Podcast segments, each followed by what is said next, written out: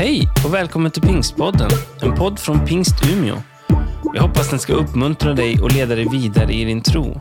För att få mer information om Pingst Umeå och allt som händer i kyrkan, gå in på umia.pingst.se eller följ oss på Instagram och Facebook, at pingstumia.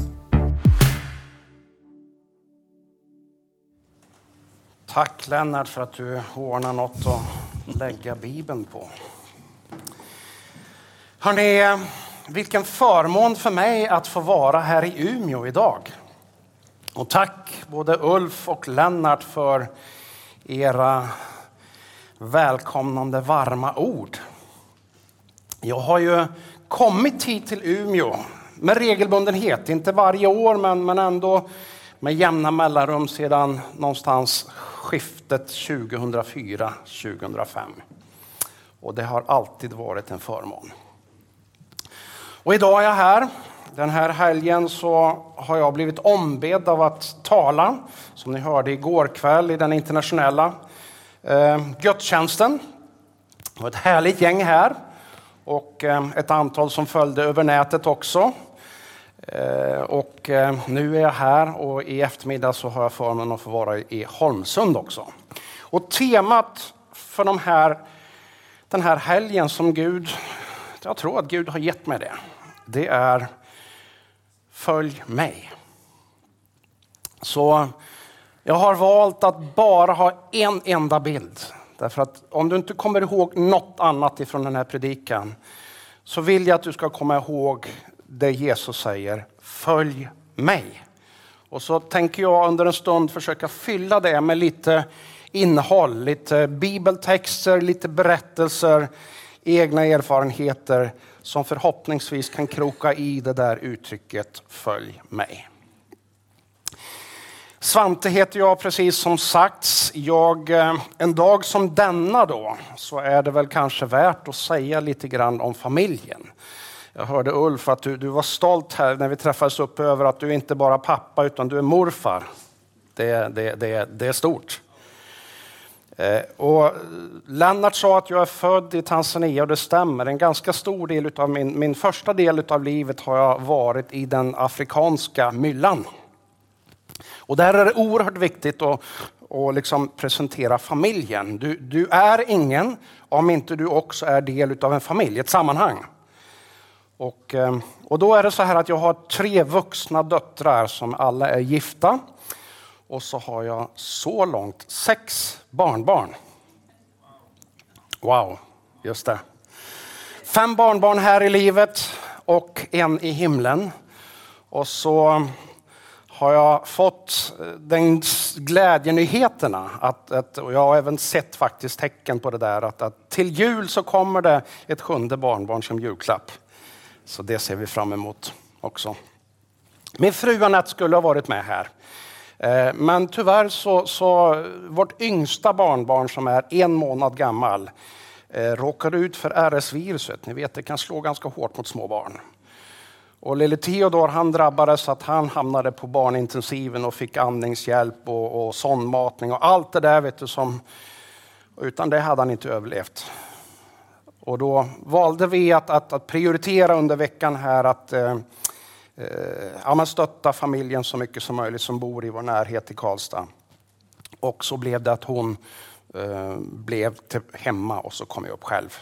Men hon hälsar så gott till er som vet och känner henne. Igår hade jag förmånen att få, få träffa Ingrid, eran missionär. Var har vi Ingrid Gustafsson? Där finns du, Ingrid. Om ni inte har pratat med Ingrid så gör det. Hon är en hjältinna skulle jag vilja säga. Hon arbetade under många år i Tanzania. Och under 14 år, mellan 68 och 82, så var hon en nära vän till vår familj. Ja, det är fortfarande en vän, men hon var också medarbetare tillsammans med mina föräldrar som var missionärer i Tanzania. Och det arbete som Ingrid och mina föräldrar arbetade med, och Ingrid var för övrigt kvar längre, det började med någonstans 25 personer som möttes till gudstjänst. Och nu så rör det sig om fyra församlingar, totalt kanske 10 000 människor. Det är lite svårt att säga exakt, men ja, det är värt en applåd. Och igår så var det så fantastiskt att få sitta ner tillsammans med Ingrid och, och, och dela lite minnen, lite berättelser och lite uppdateringar. Eh, hon är en, värd, en person värd att, att spendera tid med kan jag säga. Var stolt över henne. Temat för den här dagen är ju Följ mig. Och Ulf presenterade IBRA lite kort. Det är ju pingströrelsens missionsarbete. Och det började med Levi Petrus som ju var en visionär person. Och Philadelphia kyrkan i Stockholm hade eh, gudstjänster och, och, annat som man fick möjlighet att sända på Sveriges Radio som ju då hade monopol på den tiden. Men så ville man inte höra, man ville inte liksom acceptera att Gud hör bön. Tror ni att Gud hör bön? Ja, det gör ni. Ganska många i alla fall. Vi har sett Theodor, vårt barnbarn. Eh, det vände inom jag ska säga 30 timmar ifrån att han hade fullt andningsstöd och allt tills han inte behövde någonting. Och vi tolkar det inte som något annat än som ett svar på bön. Men Ibras början var så att, att i en gudstjänst så var det en person som, som presenterade, jag behöver, jag är sjuk, jag behöver bön, förbön för det här. Och så någon vecka eller ett par senare så säger samma person, Gud har svarat på bön, jag är frisk. Och det där upprörde människor. Kan vi prata om Gud? Ja, men vi kan ju inte tro att han skulle svara på bön. Och det blev startpunkten till att man utestängde Philadelphia kyrkan från att sända gudstjänster. Kan ni tänka er? Och vad gör då Levi Petrus? Då säger han, om inte vi får vara där, då startar vi eget. Och faktiskt var Ibra den första piratradiostationen som sände från ett fartyg ute i Östersjön utanför internationellt vatten in över Sverige. Och sen har det varit en spännande resa som idag omfattar eh, många, många språk och många länder och alla typer av medie, medieverktyg. Men det är inte media som är i centrum. Det är faktiskt det Jesus säger. Följ mig. En värld som följer Jesus, det är liksom den korta visionen. En värld som följer Jesus. Och idag så vill jag landa kring det här. Ehm, jag konstaterar att jag är en av dem som har varit med längst. Jag började 1988 att arbeta med, med IBRA och har gjort många olika saker. Men på senare år så ägnar jag mig huvudsak åt av att hjälpa ledare och vanligtvis yngre att lyckas. Lärjungar att ta steg, ledare att ta steg och bli det som Gud har skapat dem till. Att blomstra för Guds rike. Sitter ganska mycket med coachningssamtal och jag kan inte här berätta vad vi pratade om i de där samtalen. Så att när jag, när jag, eh, när jag delar här så kommer jag dela lite berättelser som på ett eller annat sätt har koppling till det jag är och är del utav. Men jag kan inte alltid ge detaljer om allting. Men det handlar om Guds rike och det handlar om Följ mig. Och jag vill läsa en text. En kort text ifrån Matteus evangeliet, det fjärde kapitlet. Ni vet Jesus, han är med Fadern den högsta positionen som finns i hela kosmos, hela universum.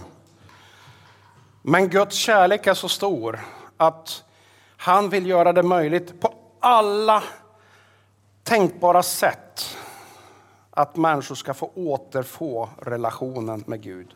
Det som gick snett i syndafallet, det vi kan läsa om i de tre första kapitlen i Bibeln, skapelsen först och sen när det gick snett. Det vill Gud återupprätta. Driven av sin stora kärlek. Och därför så sänder han Jesus som beskrivs som, som Guds faderns egen son. Från den högsta tänkbara positionen. Kommer ner och föds i ett litet stall och är beredd att dö för din och min skull. Så kommer han hit till jorden och så under några års tid så är han tillsammans med ett antal utvalda lärjungar. Och när han väljer sina lärjungar, nyckelpersoner, som ska följa honom och bära budskapet, bära hoppet vidare, då går det till så här. Och vi läser ifrån Johannes, från Matteus eh, 4 och vers 18. När han vandrade ut med Galileiska sjön fick han se två bröder, Simon som kallas Petrus och hans bror Andreas. De stod vid sjön och fiskade med kastnät, för de var fiskare. Han sa till dem, kom och följ mig. Jag ska göra er till människofiskare. Och de lämnade genast sina nät och följde honom. Igår kväll så pratade vi lite grann om det här och jag ska inte repetera allt som vi sa igår kväll. Det kan ni gå in på Youtube och kan ni titta på det. Men det är några saker jag vill ändå påminna om och, och, och lyfta. För det här Följ mig är så intressant. Jag var 12 år när jag upplevde det där tydliga tilltalet första gången. När du blir vuxen så ska du, så ska du tjäna mig. Och i det så fanns den här kallelsen, följ mig.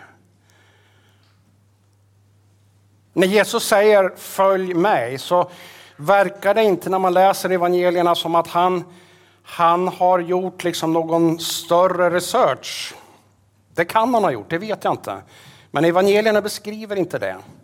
Och han gör en inbjudan som inte bygger på att han har liksom fångat upp ja, men den där Petrus, han har det här CVt, han har de här meriterna. Eller Johannes har det här. Han skickar ut en inbjudan till enkla människor, fiskare. Och så säger han, följ mig. Och egentligen det enda som de behövde ansvara för där och då, det var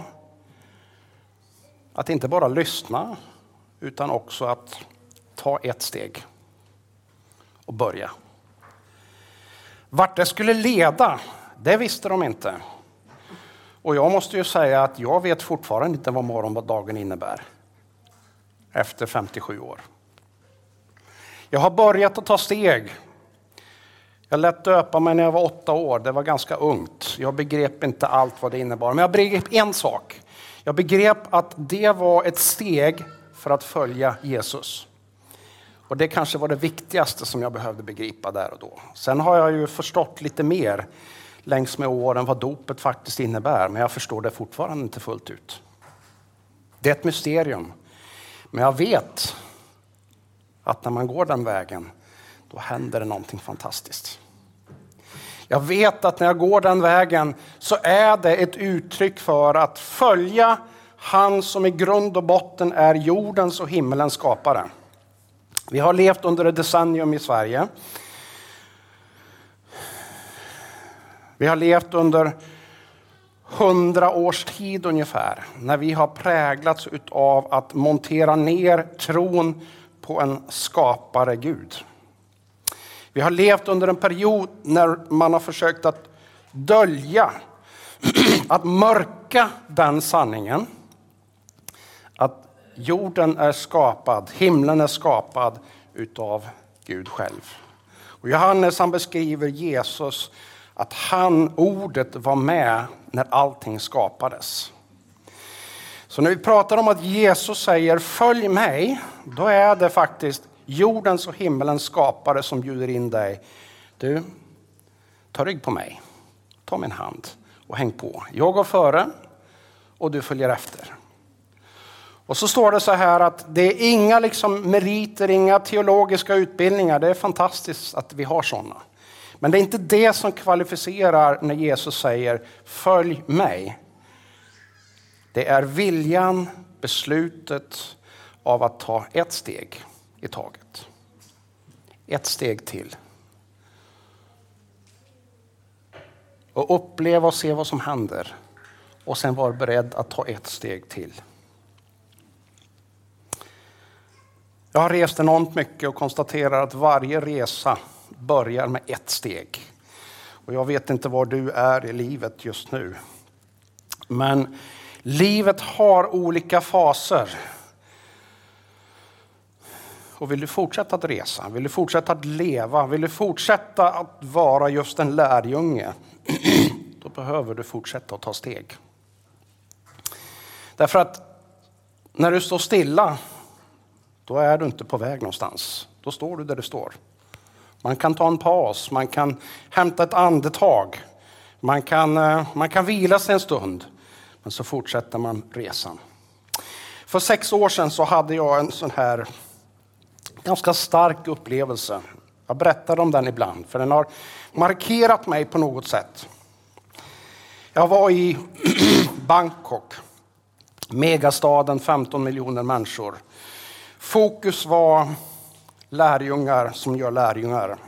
Och jag var arrangör för en kurs med deltagare från olika länder.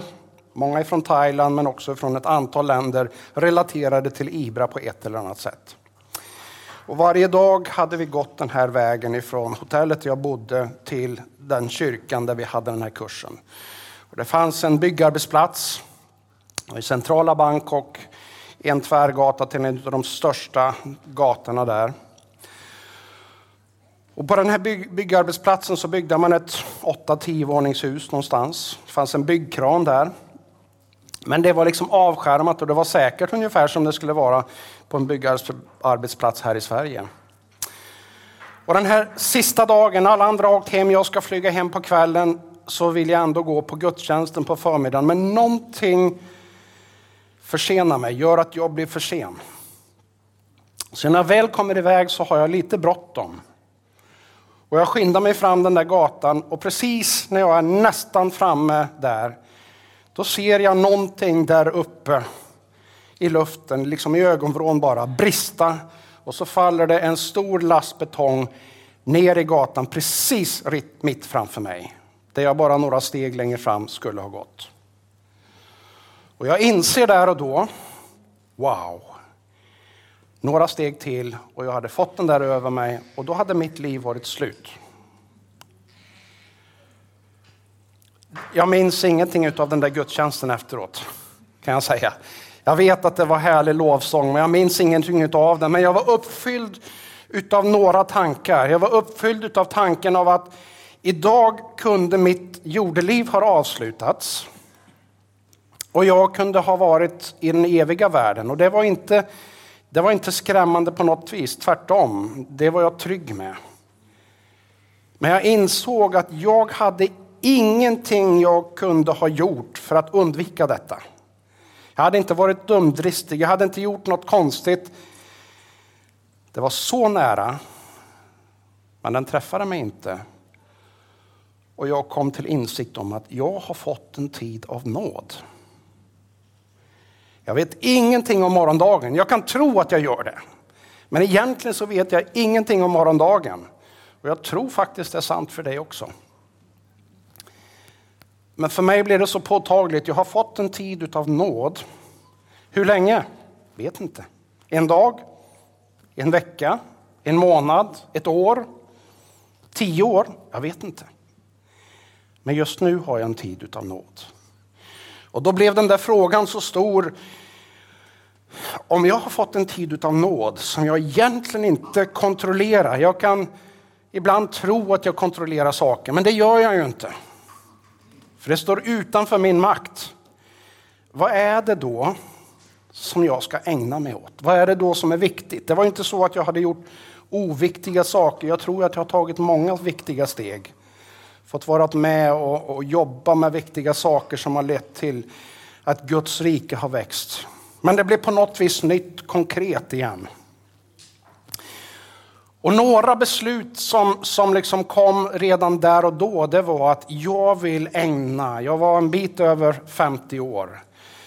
Jag hade samlat på mig rätt så mycket erfarenheter av olika slag, jobbat med människor ifrån, från alla jordens hörn. Och jag tänkte, jag ska lägga merparten av min tid på nästa generation. Jag ska alltid se till att jag har plats för mina barnbarn. Jag hade inga då, men jag visste att det var första barnbarnet på gång om bara någon vecka. Föddes lilla Aron efter det. Och så har det blivit sex, snart sju. Jag fattade det beslutet. Spelar ingen roll hur upptagen jag är så ska jag ge plats för det. Jag vill investera i nästa generationens ledare. Hjälpa dem, stötta dem att växa in i och upptäcka, kanske undvika några av de misstagen jag har gjort. Men också upptäcka vem är jag skapad av att vara? Det vill säga att upp, hjälpa ledare av att upptäcka vad Gud har lagt i deras liv. Vad Gud har gett dem, vilken potential, vilken möjligheter de har, vilka möjligheter de har. Och så har det faktiskt blivit. Och det där blev markören när jag uppfattade att Gud började tala gång på gång. Och det var som pusselbitar som jag fick och jag såg liksom inte riktigt hur de här pusselbitarna föll ihop. För lite drygt tre år sedan, då var det som att då hände några saker som gjorde att de där pusselbitarna föll på plats. De här pusselbitarna, ni vet när man har ett stort pussel och det ser ut som en enda röra. Men helt plötsligt när pusselbitarna börjar passa ihop så ser du bilden. Och så var det för mig. Och det ledde bland annat till att, att jag upplevde tydligt att Gud ville att jag skulle minska min tid med Ibra till att jobba halvtid, men också jobba med den andra delen med samma Gudsrikes tanke, men utifrån en annan plattform. Och det har gjort att så är det nu sedan två och ett halvt år ungefär. Jag får möjligheter att i båda de här sammanhangen hjälpa människor att lyckas. I det ena sammanhanget i missionsvärlden. I det andra sammanhanget med människor av alla tänkbara slag i Sverige och utanför Sverige. Och jag har fascinerats över hur Gud har liksom skickat människor i min väg. I ett utav, utav länderna i världen som jag har besökt så har Gud gett mig en kontakt upp på ja, allra högsta nivå. Där vi regelbundet har kontakt och där Gud uppenbarligen har någonting han har i görningen. Någonting som jag kunde klara av eller, eller, eller förbereda? Inte alls. Ingenting jag har kontroll över. Men jag var beredd att försöka lyssna och så ta ett steg. Lyssna in och så ta ett steg till. Jag skulle vilja läsa en kort text ifrån första Samuelsboken. Och det här är på temat för dig nu då som är senior, som Ingrid där borta. Eller för dig som är mitt i livet. Eller för dig som är ung vuxen. Eller för dig som är i tonåren. Jag tänker att det här är lika relevant för oss alla Fast vi kommer kanske sätta in det i våra berättelser på lite olika sätt. Samuelsboken börjar med berättelsen om Hanna. Kvinnan som är barnlös, ofrivilligt barnlös. Älskad av sin man Elkana. Men får inget barn och det är en stor sorg för henne. Det är det fortfarande för väldigt många människor. Och i vissa kulturer väldigt stor sorg om man förblir barnlös. Och hon följer med till templet och hon utgjuter sin sorg inför Gud. Och till slut så svarar Gud, ja du ska få ett barn. Och hon har gett löftet att när jag får ett barn då ska han få bli din tjänare. Och så hamnar lilla Samuel i templet. Och eh, han är där tillsammans med prästen Eli. Och så är det så att lilla Samuel, hur gammal han är vet jag inte, men, men han är inte så gammal. Han vaknar på natten av att någon ropar. Och han tror att det är Eli som ropar. Eli ser dåligt.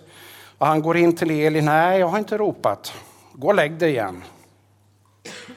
Och så händer det där flera gånger. Och i första Samuelsboken 3 och 8 så står det så här. För tredje gången ropade Herren på Samuel som åter steg upp och gick bort till Eli. Här är jag, du ropade ju på mig. Nu förstod Eli att det var Herren som ropade på pojken. Och han sa till Samuel att lägga sig igen. Och om någon ropar på dig så ska, ska du säga Tala Herre, din tjänare hör. och Samuel gick tillbaka och la sig. Då kom Herren och ställde sig där och ropade som förut. Samuel, Samuel. Och han svarade, tala, din tjänare hör. Då sa Herren till Samuel, jag ska göra något i Israel som kommer att skrälla i öronen på alla som får höra det. Wow. Samuel, inte speciellt gammal, men är i den här miljön och han hör någonting som han inte begriper vad det är för något. Han tror att det är Eli, prästen som han har fått som sin, sin andlige och praktiske far på många sätt där i templet. Och Eli säger nej, nej, nej, gå och lägg dig, det jag har inte ropat på dig. Men efter en stund så fattar Eli, det här är nog någonting speciellt. Det här är nog kanske Gud som försöker påkalla uppmärksamheten för den här lille grabben. Och då behövs Elis insikt för att Samuel ska förstå vem är det som ropar. Elis förståelse av att det här kan nog vara Gud förbereder Samuel så att han nästa gång han hör det där som ropar det där som pockar på då fattar han och då vet han hur han ska börja agera. Och Samuelsböckerna är sedan berättelserna om Samuel och det han fick vara med om som en Guds tjänare. Och jag skulle bara vilja uppmärksamma här, eller stanna upp ett litet ögonblick vid just det här faktum att du, vilket du är senior, vilket du är mitt i livet, vilket du är ung vuxen, eller tonåring, då har du någon som är yngre än dig. Du har flera som på något vis följer dig. Du har ett ansvar för nästa generation. Du har ett ansvar av att hjälpa nästa generation att lära känna och höra Guds röst. Du har inte ansvar att tala om för nästa generation allt vad de ska göra. Ibland så kan dina råd vara väldigt viktiga. Men du har framför allt ett ansvar av att hjälpa nästa generation att vänja sig vid att höra Guds röst och att lyssna till Guds röst och uppmuntra till att våga ta steg när Gud säger följ mig. Det var det Eli gjorde. När han fattade att det här är någonting som är på gång då målade han bilden, han förklarade, han satte det i ett sammanhang som gjorde det meningsfullt och begripligt för Samuel. Och Samuel kunde svara, ja herre, tala, din tjänare hör. Det vill säga att jag är beredd, jag är beredd att lyssna och jag är beredd att faktiskt göra det du säger. Och min utmaning till dig är, vad är det som du ska göra? Vilka är det som du ska uppmuntra, ska hjälpa, välsigna, stötta, inte diktera, inte begränsa, men stå bakom. När jag fattade mitt beslut för sex år sedan så beslutade jag att jag skulle sätta så mycket tid jag kunde skulle alltid ha tid för mina barnbarn. Och jag ska läsa ett kort här. Jag blir lite rörd. Ni får ta det. Jag fick ett farsdagskort här i fredags utav min äldsta dotter. Jag hade ett par timmar i Stockholm och hon jobbar på Kungsgatan och sa du, det finns ett café där, sätt dig där på Vetekatten så kommer jag ner en liten stund. Så kom hon med en farsdagspresent och så ett kort. Och då står det så här. Grattis på fars dag. Jag är så tacksam för en pappa som alltid är öppen för en diskussion. Kan tänka nytt, tar tåget istället för flyg. Prioriterar sina barnbarn. Är en välkomnande svärfar som erbjuder sig att tapetsera. Som alltid är redo att tända grillen eller brasan. Som gör kanonkulor med barnbarnen och mycket mer. Jag älskar dig. Jag blev varm i hjärtat. Därför att jag har en roll för nästa generation. Förmodligen det viktigaste. Du har en roll för nästa generation. Förmodligen bland det viktigaste du har i livet. Och ju mer du har kommit upp på den här seniora skalan, desto viktigare har du. Det är inte samma saker som du kommer göra när du var 30 eller när du var 20. Men du har en jätteviktig roll.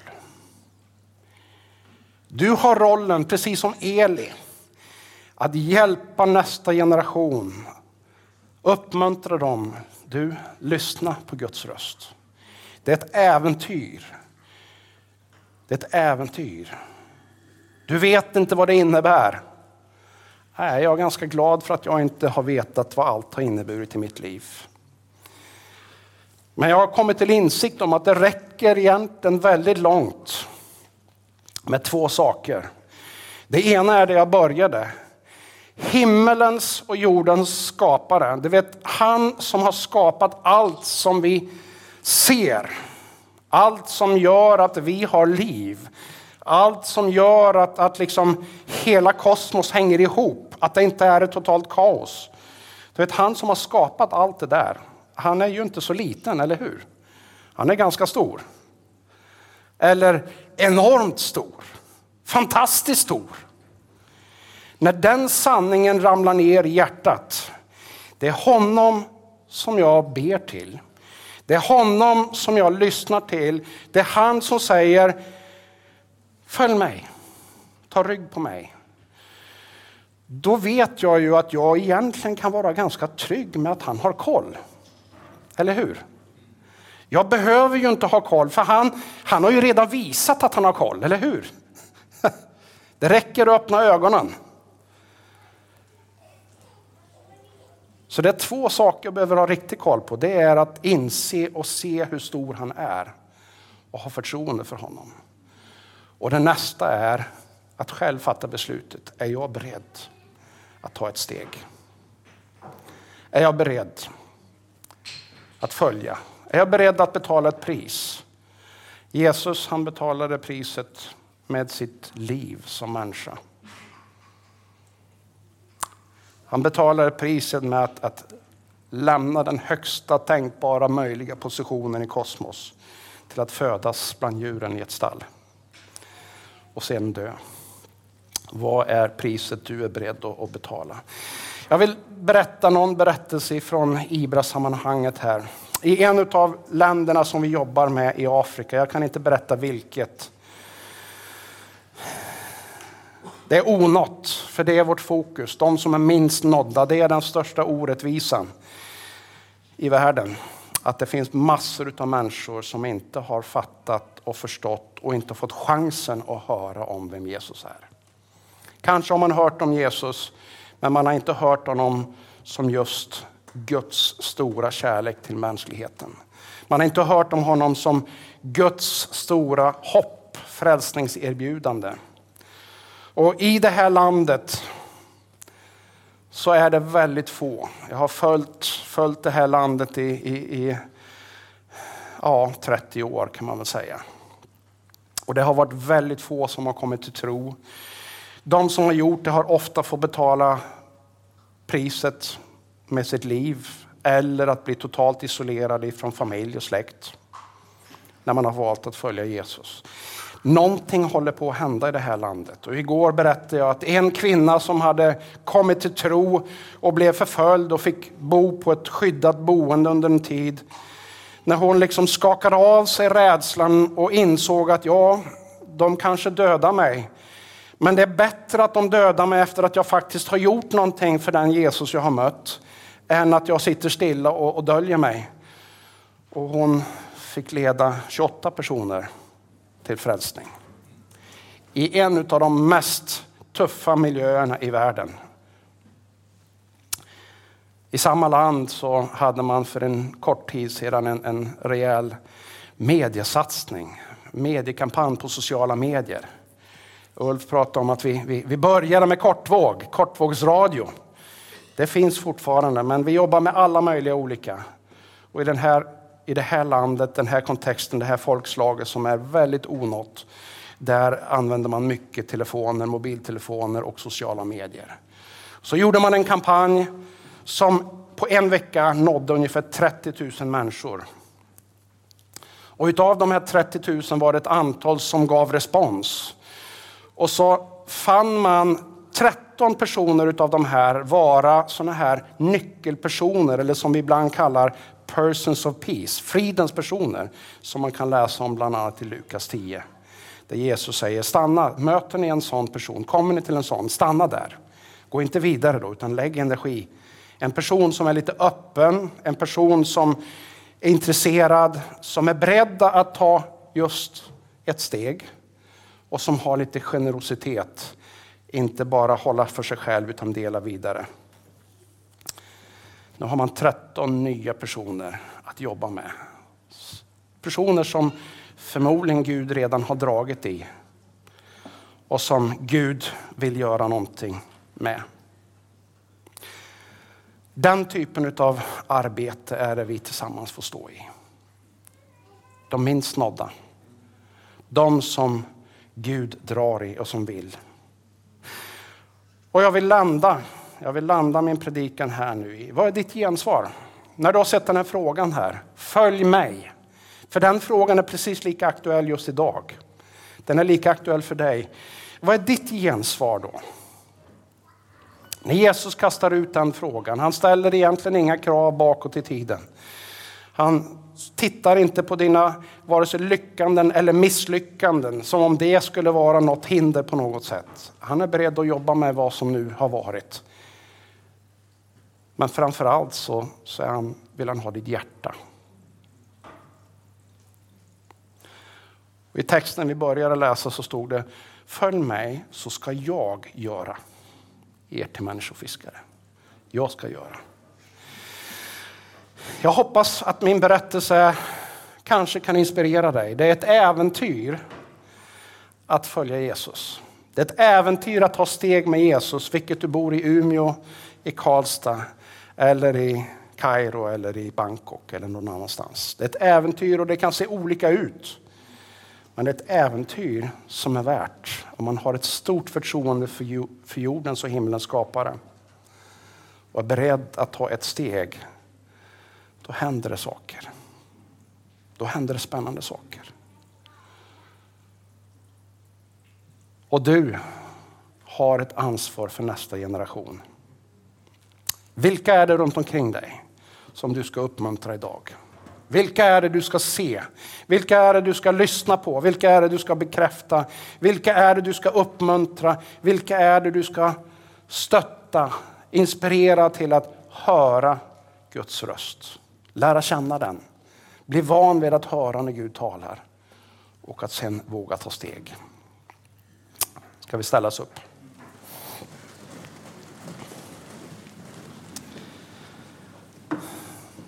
Gud, Tack att du har hört varje människas hjärtas tankar, drömmar, känslor. Du har sett det.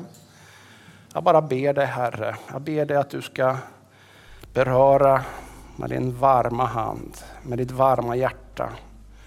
Jag ber att du ska visa, det här är din väg. Det här jag vill ha dig. Det här jag vill att du ska ta ett ansvar för nästa steg, för nästa generation.